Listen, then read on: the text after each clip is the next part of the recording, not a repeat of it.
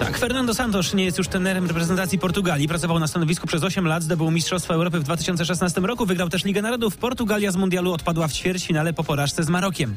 E, Dziś na Mistrzostwach jeszcze dzień przerwy, ale do pracy zabiorą się skoczkowie narciarscy. Pora na rywalizację w Engelbergu. E, Przypomnę, że liderem Pucharu Świata jest Dawid Kubacki. Do jego wyników chce nawiązać Paweł Wąsek. Na razie cel to czołowa dziesiątka.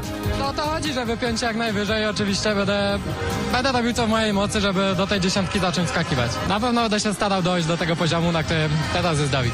Na w kwalifikacjach w Engelbergu wystąpi dziś Simon Amman. Jego pierwszy test formy podczas tego sezonu. E, Kwalifikacje będzie można obejrzeć w Eurosporcie. Początek o 15.45.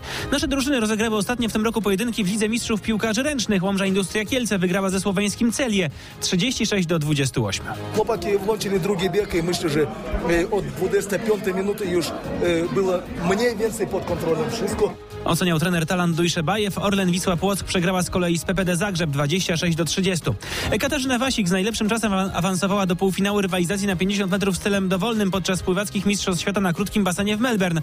Za niespełna dwie godziny walka o wielki finał. Przyjechałam tutaj z pierwszym czasem, e, miałam świetny sezon i, i skupiliśmy się na tym, żeby ta 50 była naprawdę szybka. Dlatego, dlatego na pewno mam dużo oczekiwania. W finale na 50 metrów stylem grzbietowym popłynie przed południem Kacper Stokowski. W Melbourne już dwukrotnie bił rekord Polski.